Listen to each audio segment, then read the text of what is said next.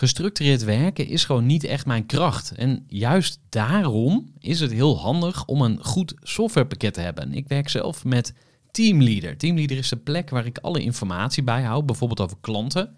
Waarin ik offertes maak en verstuur en die digitaal laat ondertekenen. Waarin ik facturen verstuur, waarin ik lijstjes bijhoud, waarin ik projecten kan managen, waarin ik standaard e-mails kan programmeren. Kortom, ik gebruik Teamleader om alle werkprocessen van mijn bedrijf te stroomlijnen. En zeker ook als je met een team werkt, is het heel fijn om over dezelfde informatie te beschikken. Nou, als je ook benieuwd bent of er mogelijkheden zijn om jouw bedrijf meer te stroomlijnen, of je nu alleen werkt of met een team, ga even naar teamleader.nl slash groeivoer en je kunt dan vandaag nog een trial starten voor twee weken lang, gratis. En je kunt Teamleader volledig uitproberen. En na de proefperiode krijg je ook nog zo'n leuke korting als luisteraar van Groeivoer. Ga naar teamleader.nl slash groeivoer. Groeivoer. Groeivoer. Zoek je inzicht, inspiratie voor je eigen bedrijf. Wil je elke dag iets leren? Luister dan naar Groeivoer. Is het nou wel zo'n goed plan om te gaan ondernemen? Want een eigen bedrijf hebben kan behoorlijk stressvol zijn. En zeker de beginfase van een onderneming is pittig. Marten Walter maakte het mee en ze schreef er het boek Wat een baas over. Wat een baas is een eerlijk boek over ondernemerschap waarin Marten alles beschrijft wat ze eigenlijk had willen weten voordat ze aan het ondernemerschap begon. Naast schrijven houdt Marten zich ook bezig met spreken en sparren. Ze noemt zichzelf ook wel multipreneur. En nu staat ze voor me om haar beste lessen met jou te delen. Marten, van harte welkom bij de podcast. Dankjewel, leuk om er te zijn. Voor de kennis en ideeën van een interessante gast. Die haar verhaal met jou wil delen. Luister je naar Groeivoer. En we gaan het eh, hebben over ja, goed werkgeverschap als ondernemer. Hoe kun je goed voor jezelf zorgen? Ik heb nog veel meer eh, vragen en onderwerpen opgeschreven, maar ik zou eerst graag terug willen naar jouw jeugd. Wil je ons eens voorstellen aan de kleine Marten? De kleine Marten. Ik ben eh, de middelste uit een gezin met drie kinderen.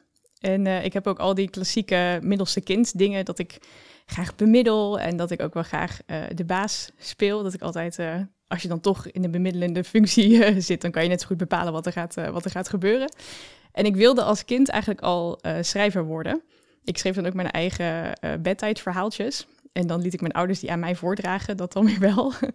Ehm, en ja, dat, eh, dat is de kleine Marten zo'n beetje. Ik kom uit Brabant, zoals je al kan horen, denk ik. Klein beetje. Klein beetje, als ik gezellig zeg, dan hoor je het. Oh, oké. En Waar, waar in Brabant? goed. Oosterhout ben ik geboren. Wat heb je van je vader en wat heb je van je moeder meegekregen? Ehm goeie vraag. Ik denk dat ze alle twee heel eigenwijs zijn. dat heb ik eh, van beide, denk ik, een beetje. En mijn moeder is ook ondernemer. Dus dat, dat zit denk ik toch een beetje in de genen wel. En wat doet ze? Eh, zij doet eh, familieopstellingen en organisatieopstellingen, systemisch werken onder andere. Wauw. Eh, Heb je dat al op het eigen gezin kunnen toepassen? Is dat wel eens gebeurd? dat gebeurt inderdaad wel, ja, als je dat soort werk gaat doen. ja, wat komt er dan uit? Ja, dan komt er veel uit. Onder andere dat, dat ondernemerschap dus in de genen zit. Wat ik leuk vind, ik heb ook wel eens bij mijn moeder gerepresenteerd in opstellingen, is dat ze altijd begint met een geleide meditatie, waarin je je ogen sluit en waarin je je voorstelt dat er van achteren, dus van jouw grootouders en alle mensen die achter jou staat, dat er een soort kist naar voren komt. En in die kist, daar zitten zeg maar alle goede dingen, dus het ondernemerschap of de creativiteit of nou ja, de positieve eigenschappen. En ook de dingen die eh, misschien wat minder eh, positief zijn. En eh, ja, daar, daar kom je jezelf heel erg in tegen. En dat, dat is heel, heel nuttig. Ik denk dat je jezelf echt beter leert kennen als je ook snapt waar je vandaan komt. Ja, en eh, is er iets waar jij dan eh, jezelf in tegen bent gekomen? Wat volgens jou dan, waarmee je erfelijk belast bent, als het ware? Ja, wat ik eh, de laatste tijd, wat er vaker aan me gevraagd wordt de laatste tijd, is waar komt die creativiteit vandaan in, jullie- in jullie familie? Ik ben schrijver, mijn zus is ook schrijver, mijn broertje is acteur. Ik heb een neef die nog acteur is en heel veel andere neefjes en nichtjes doen iets op podia. Dus ofwel achter de schermen of muzikanten. En ik geloof dat dat komt van mijn Indonesische oma. Die eh, wilde namelijk zangeres worden. Maar toen eh, was het oorlog, heeft ze in een jappenkamp gezeten en is die droom zeg maar daardoor eigenlijk niet uitgekomen. En gevoelsmatig is die doorgegaan naar de volgende generaties. Is hoe het voor mij voelt. Dus ik, ik denk dat, dat, wel, eh, dat daar wel een linkje zit, ja. Ja, is dat dan een zegen of een vloek of allebei? hoe, hoe, hoe reflecteer je daarop? Ehm, ik denk een zegen, want wat ik wel zie bij iedereen in onze familie die creatief is, naast dat er altijd een soort van moment is van moet je niet gewoon een studie doen en doen wat eh, een beetje participeren in de maatschappij, zeg maar. Eh, zijn het ook wel mensen die, als ze zich daarvan losbreken, eh, heel goed weten wat ze willen. Die, die passie, die drive, zeg maar. Ik vind passie echt zo'n overgebruikt woord, maar... Een container, ja, zo'n containerbegrip. Mhm. ja, maar die, ja, die is wel heel aanwezig. En ik vind dat wel, ik vind dat wel een zegen, ja. Ja. Ehm, en, en hoe kijk je dan, we gaan meteen heel filosofisch worden, maar hoe, hoe kijk je dan naar eh, vrije keuze versus je lot? Want in, in familiesystemen gaat het ook heel erg over je lot aankijken. Hè? Dus ja. Ja. wat je gekregen hebt, daar moet je het mee doen. En eh, als ik jou zo beluister, van ja, je bent eigenlijk een soort erfelijk belast. Je hebt genetisch creativiteit meegekregen. Dus je zou Ja. kunnen zeggen van ja, je kan eigenlijk niet anders dan ondernemer worden. Terwijl wij in deze tijd ook juist heel erg geloven in, in zelf je leven maken en, en zelfkeuzes en eh, eh, zelfontwikkeling. Eh, hoe zit dat volgens jou? Daar heb ik een theoretisch antwoord op. Oké, dan doen we die eerst Ja. en dan daarna de aanvulling. Hoe het namelijk zit als iets in je genen zit. Dat klopt. Er zitten heel veel dingen zeg maar, in je systeem ingeprent. Maar die komen er pas uit als je de juiste omgeving ervoor creëert. Dus ik kan nu zeggen, creativiteit zit in de genen. Maar stel dat ik, ik noem maar wat, accountancy was gaan studeren. En dan heb je wel creatief boekhouden, maar dan eh, is de kans groot dat dat, dat, eh, dat, dat niet de ideale omgeving eh, geweest zou zijn voor de creativiteit. Dus dat is een beetje hoe dat ik er tegenaan kijk. Het zit in de genen, maar ik geloof dus wel in vrije keus. Jij moet wel de omgeving creëren om dat tot bloei te laten komen. Dat gaat niet vanzelf. Ja.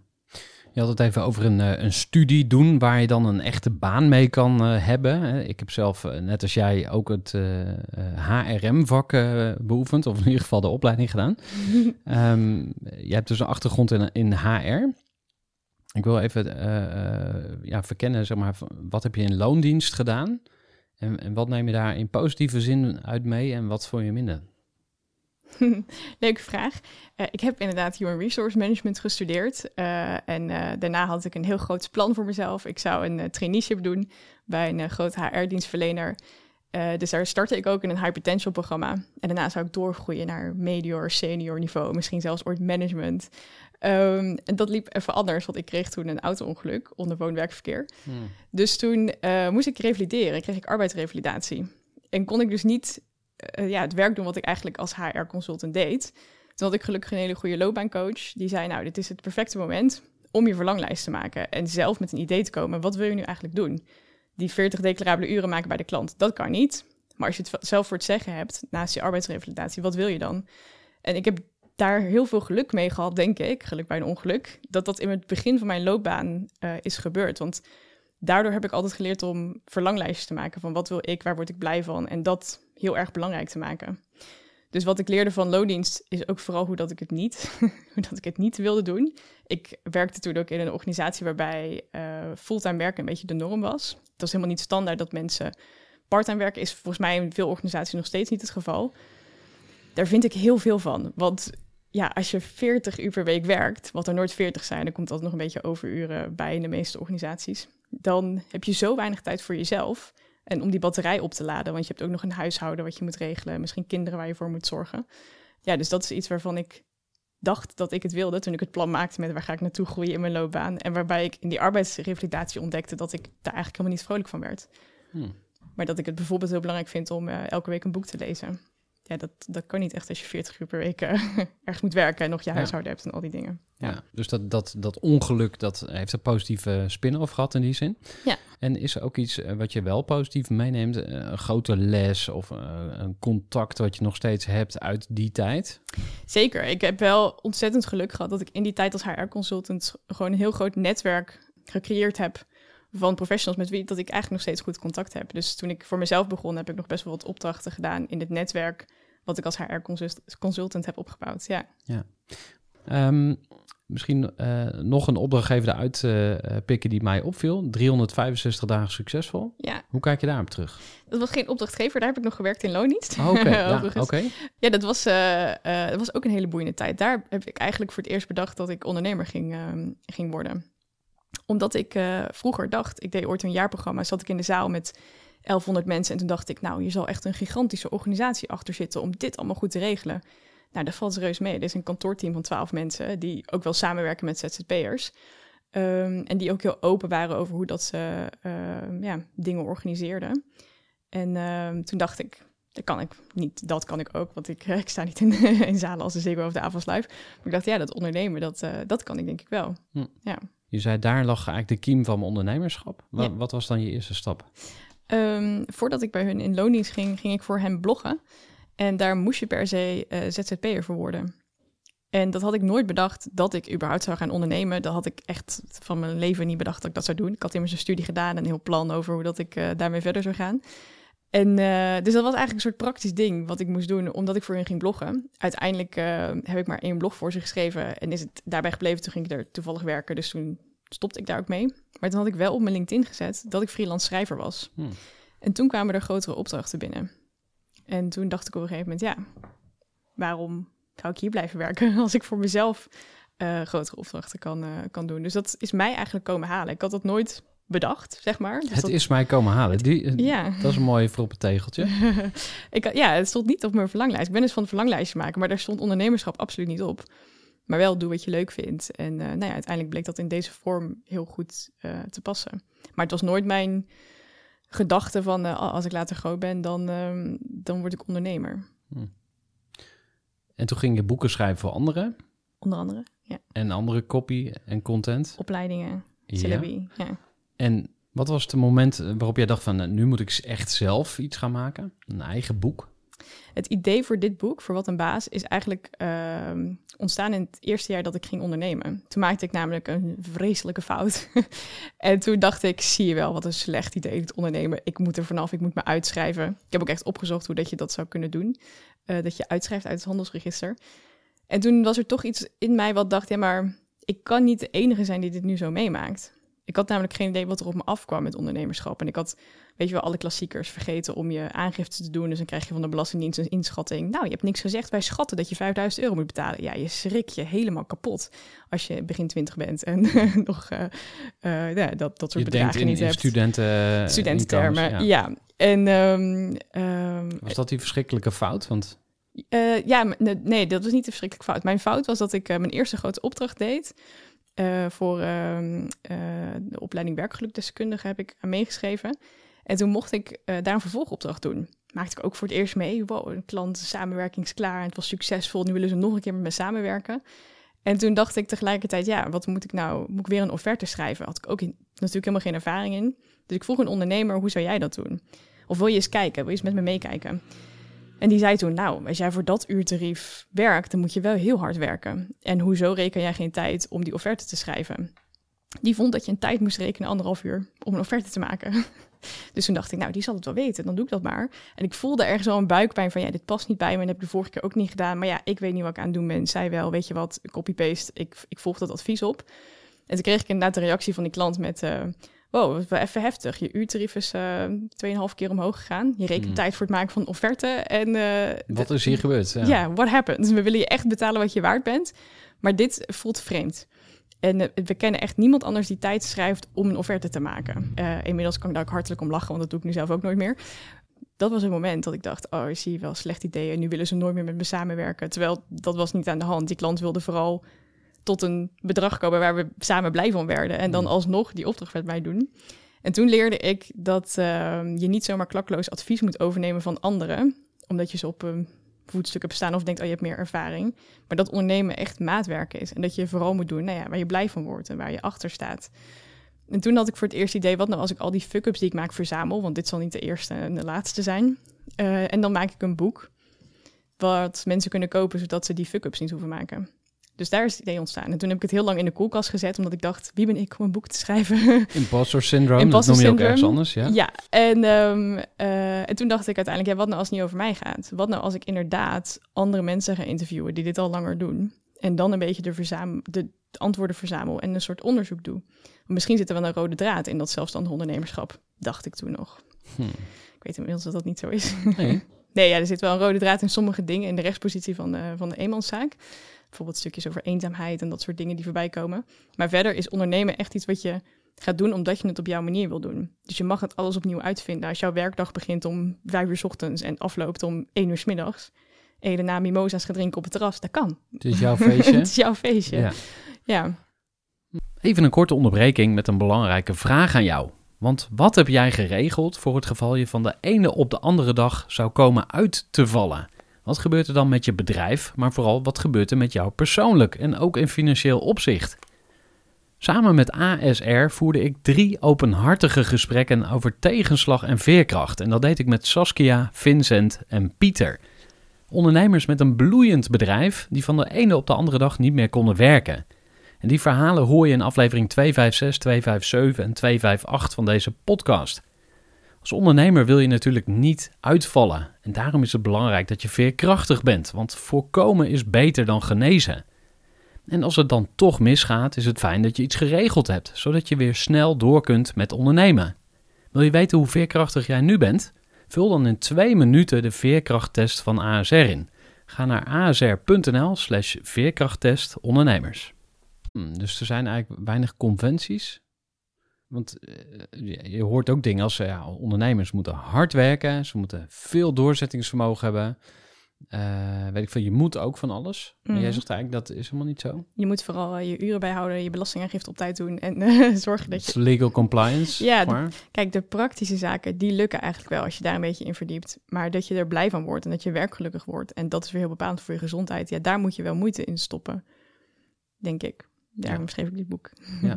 Hey, en je zei dat dat idee voor het boek, dat kwam eigenlijk al heel vroeg. Ja. En je hebt het dus eh, best wel lang nog op de plank laten liggen. Ja. Als ik dat zo hoor, hè, van de pitch van het boek. eh, we gaan eh, mensen interviewen en dan de beste lessen daarvan destilleren en dat wordt dan een boek.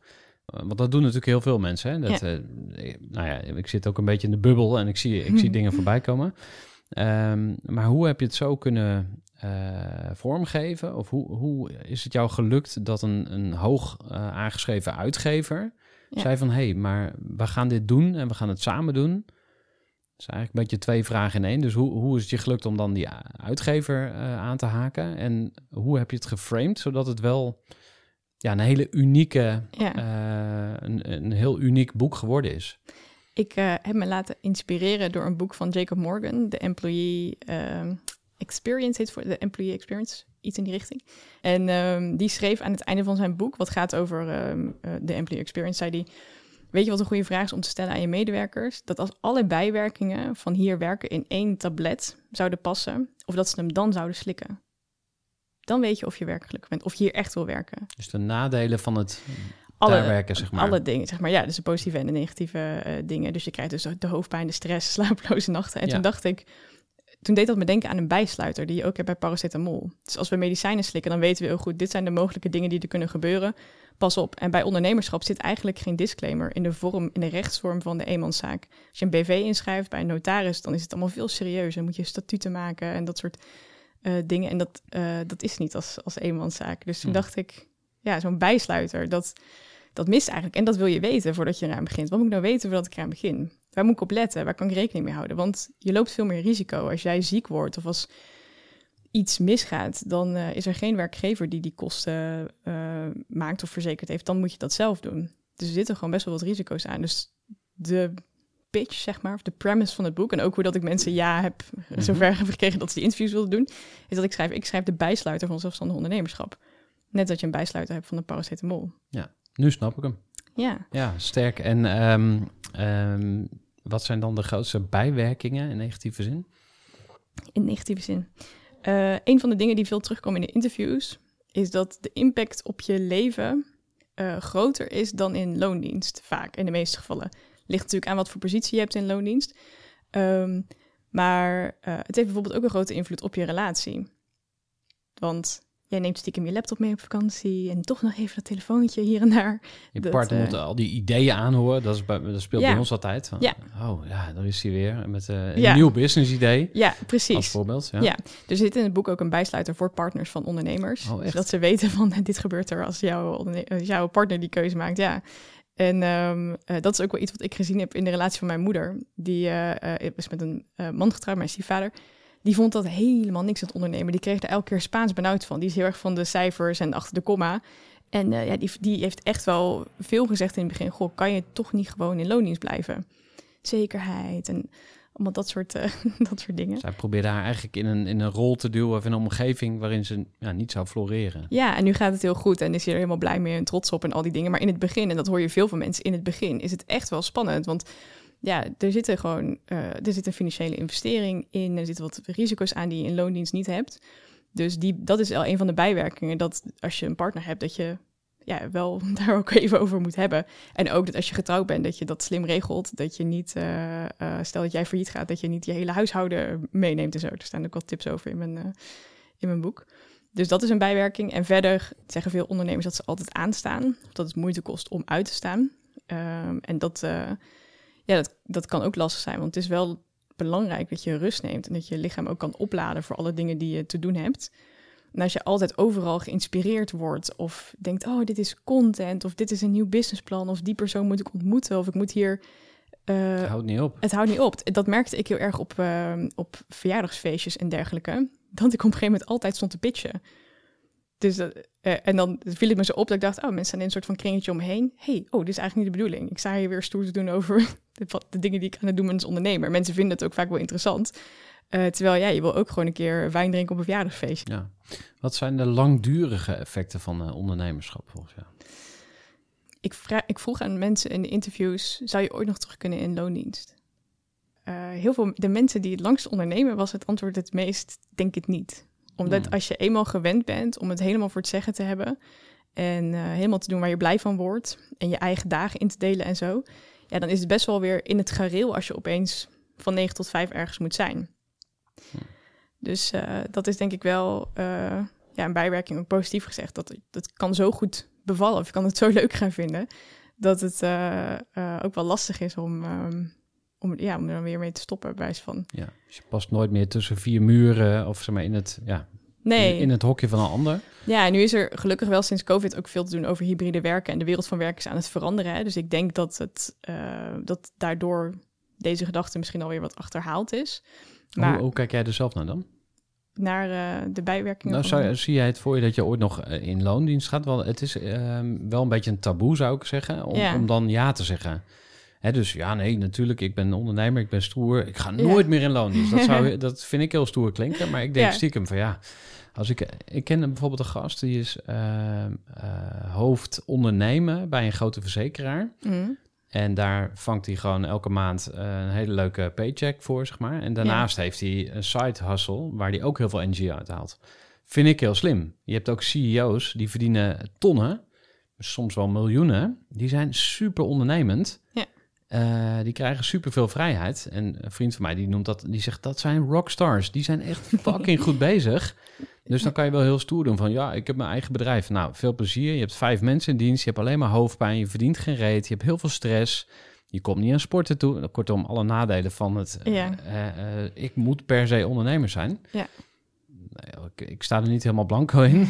nu weer naar jou. Wat, wat denk jij dan? Eh, sterker nog, ik ben in loondienst voor twee dagen per week. Sinds eh, COVID-tijd, ja. Good Het was een, een klant eh, met wie dat ik eigenlijk al heel lang samenwerkte.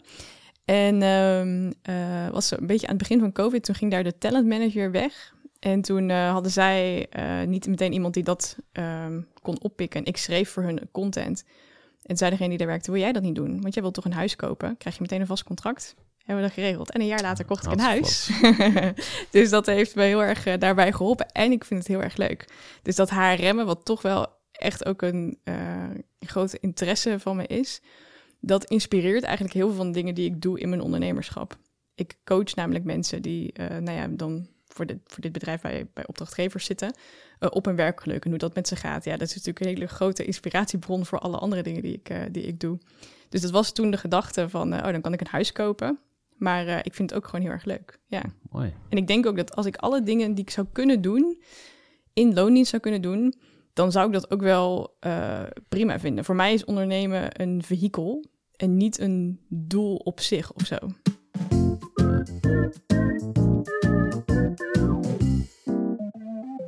Ik wil nog even naar je boek eh, toe gaan, want de tijd Ja, vliegt. En ehm, je had het eh, in het voorgesprek even over nice to know en need to know. Er zijn natuurlijk ontzettend veel dingen over ondernemerschap te zeggen. Ja.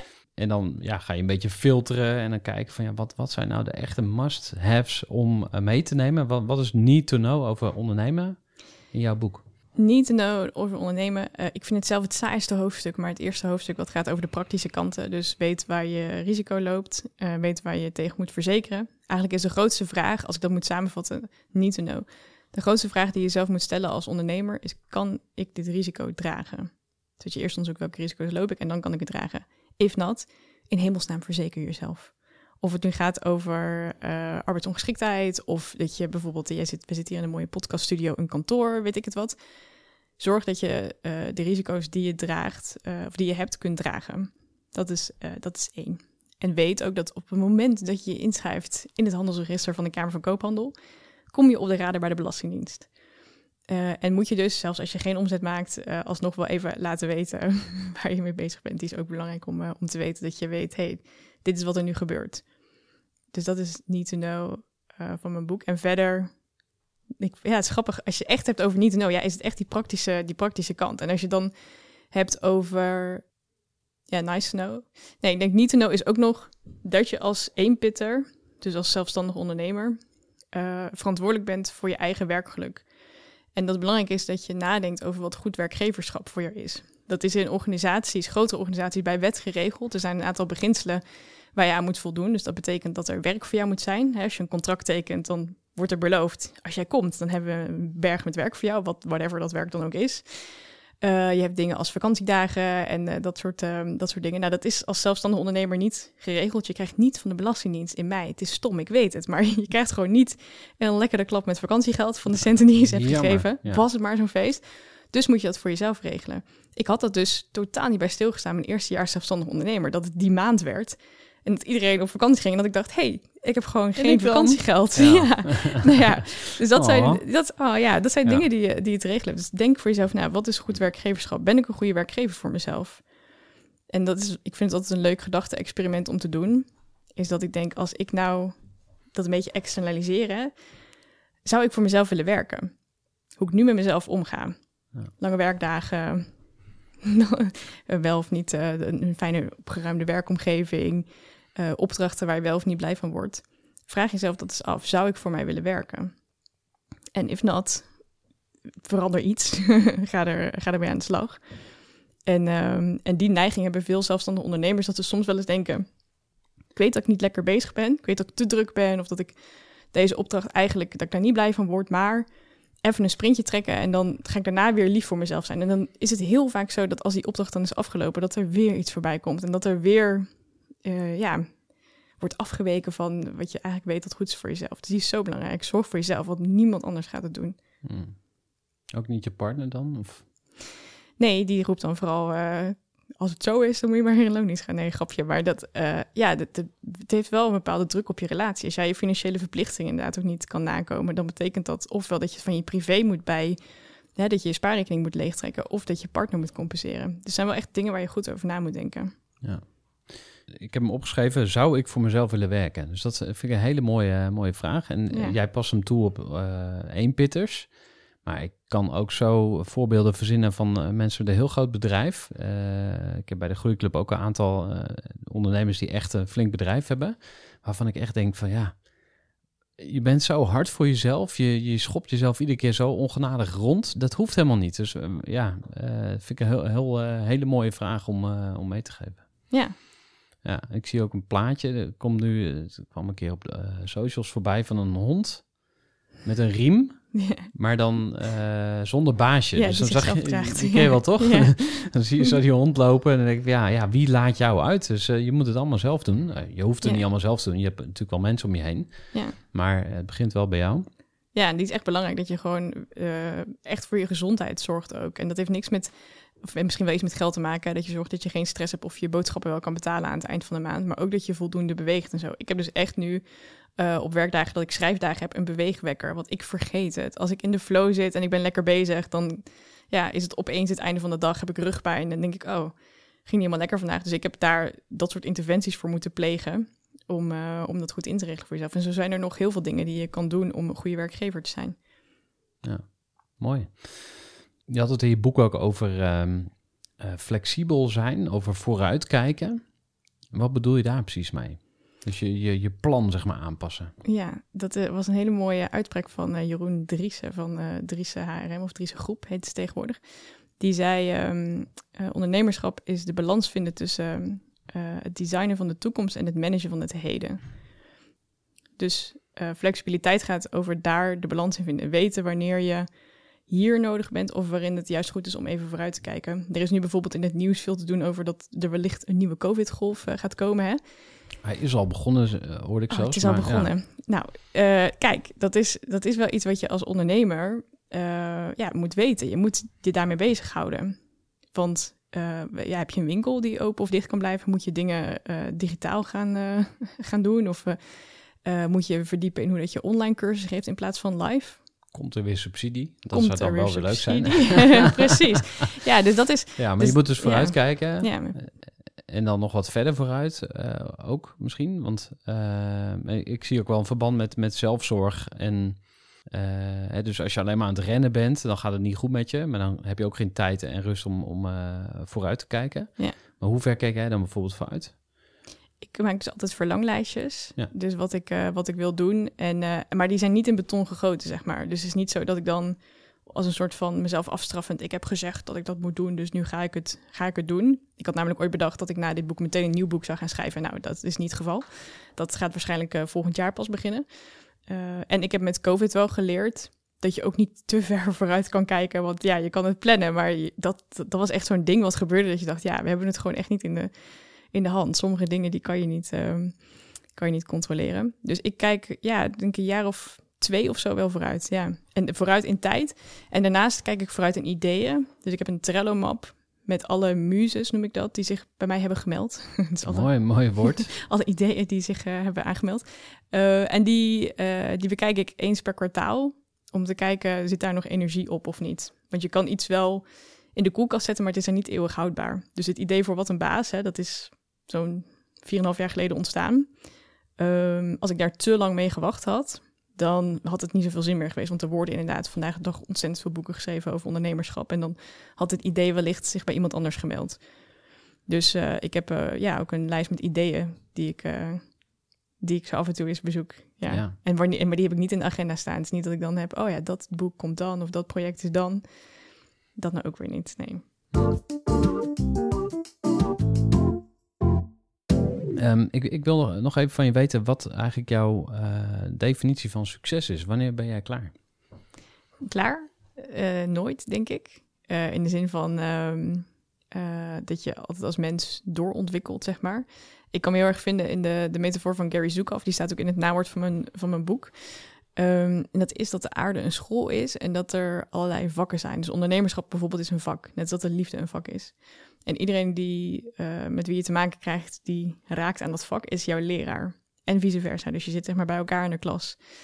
Dus ehm, ja, als je het vanuit die metafoor bekijkt, dan ga je misschien wel naar een volgende, een volgende groep toe. Maar ben je eigenlijk nooit, eh, eh, nooit uitgeleerd. Als je sterft, denk ik dat je bent uitgeleerd. En misschien dan nog niet, weten we niet. Maar Ja, wat denk jij? Eh, wat, wat ik denk over leven na de dood en zo.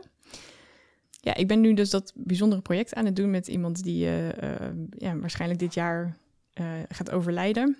En ik had ook altijd hele grote angst voor de dood. Daar heb ik daarna heel veel boeken over gelezen. En nu, nu kan ik dat een beetje plaatsen, dus dat iets beter. Maar ik, ehm, ja, ik geloof wel dat, dat er iets, zoiets is als een ziel die wellicht weer verder gaat in zijn reis. En dat betekent niet per se dat je terugkomt of reïncarneert of zo. Maar ik geloof wel dat, eh, dat de energie ergens blijft. Ja. Hm. En waar zit jouw ziel? Ehm, die is denk ik vooral nu hier. Maar ik geloof ook wel dat, je, eh, dat er een versie van mij bestaat in bijvoorbeeld het hoofd van mijn geliefde, bijvoorbeeld. Dus die, ik geloof wel dat die energie zich ook eh, verspreidt. Ja. Interessant. ja. Het gesprek loopt helemaal uit de hand. Ik ga snel een, een eh, fles champagne pakken. Want eh, deze mag je aanbieden namens Didon. Dat is een eh, importeur van champagne. En ze hebben een mooie website. En als je daar wil komen, ga je naar vierjesucces.nl. Leuk. Eh, dus ik vroeg jou, ja, wanneer ben je klaar? Wanneer ben je succesvol? als je dat zou moeten samenvatten, wanneer, wanneer zou je dan deze fles En opentrekken? voor nu zou het zijn als het huis af is. Want dat is ook wel een groot project. Wat zo naast het schrijven van de boeken en projecten doen er is. Ja. Dus dan. En verder qua eh, mijn definitie van succes is denk ik vooral als je iets doet wat je, waar je blij van wordt. En er ook nog van rond kan komen. En dat betekent voor mij niet 10k per maand. Maar dat betekent gewoon ja, iets waar je blij van wordt. Waarvan je denkt, hey, fijn, trots op, goed gedaan. Ik kan dingen doen die ik wil doen. Ja. Mooi. We gaan eh, afsluiten. Helaas, maar we gaan zo nog even nakletsen. Dus dat, eh, dat is de bonus. Ehm, maar ik wil graag afsluiten met vooruitblikken. En met een aantal, a- aantal ondernemerslessen. Maar eh, als we vooruit gaan blikken, je zei al, ik ga een boek schrijven. Ja.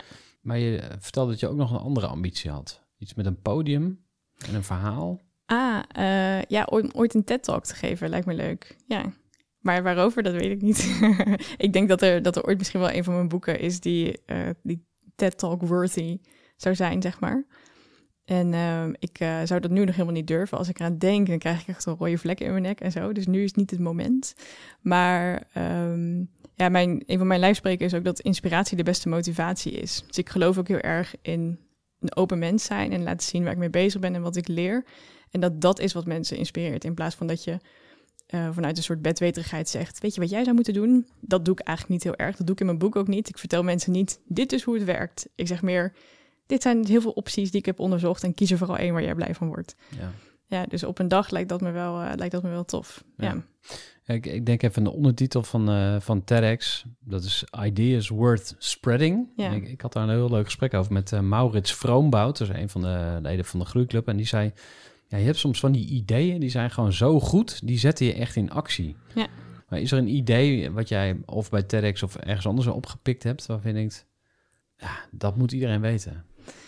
Oeh, ehm, ja, ik, ik, TED Talk is echt mijn hobby ook. Er zijn heel Oh, veel echt? dingen die ik, ja, I love it. Ja, ik mag er nu twee per week aan mijn vriend laten zien als experiment, maar dat ik hem ook wil inspireren met, eh, met dingen, omdat ik zo graag praat ook over de dingen die ik leer.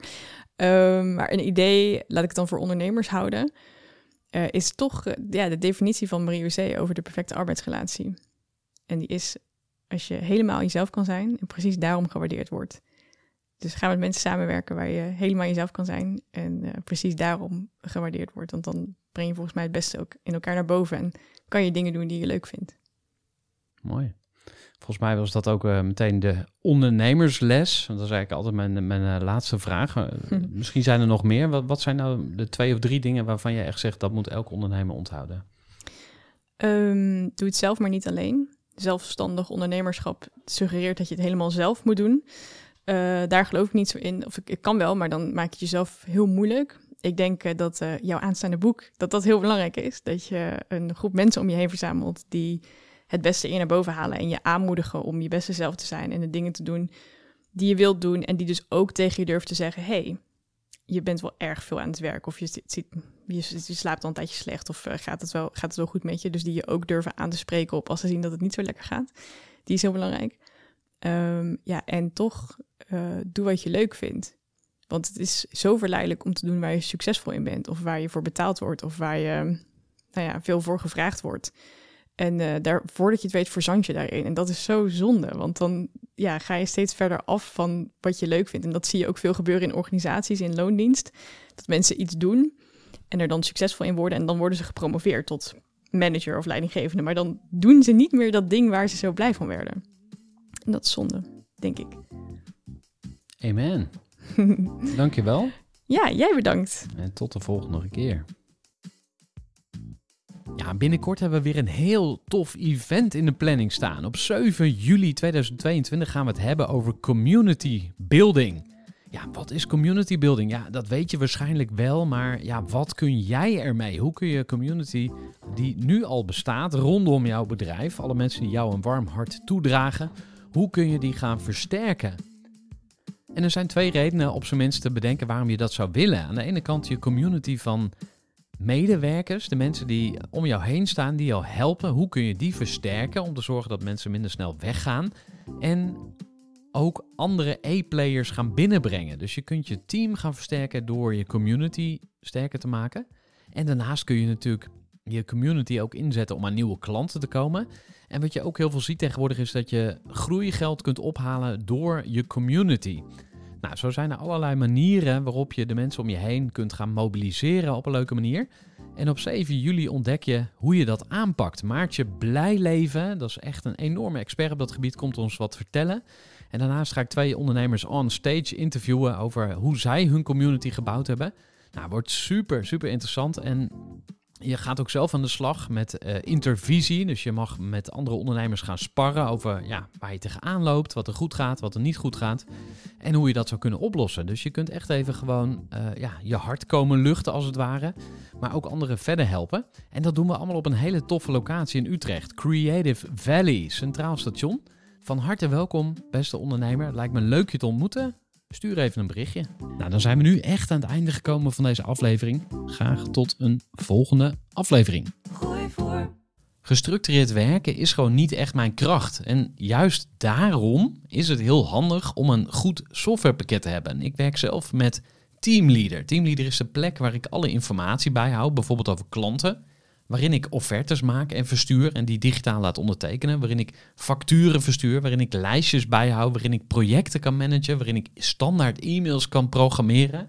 Kortom, ik gebruik Teamleader om alle werkprocessen van mijn bedrijf te stroomlijnen. En zeker ook als je met een team werkt, is het heel fijn om over dezelfde informatie te beschikken. Nou, als je ook benieuwd bent of er mogelijkheden zijn om jouw bedrijf meer te stroomlijnen, of je nu alleen werkt of met een team, Ga even naar teamleader.nl slash groeivoer en je kunt dan vandaag nog een trial starten voor twee weken lang, gratis.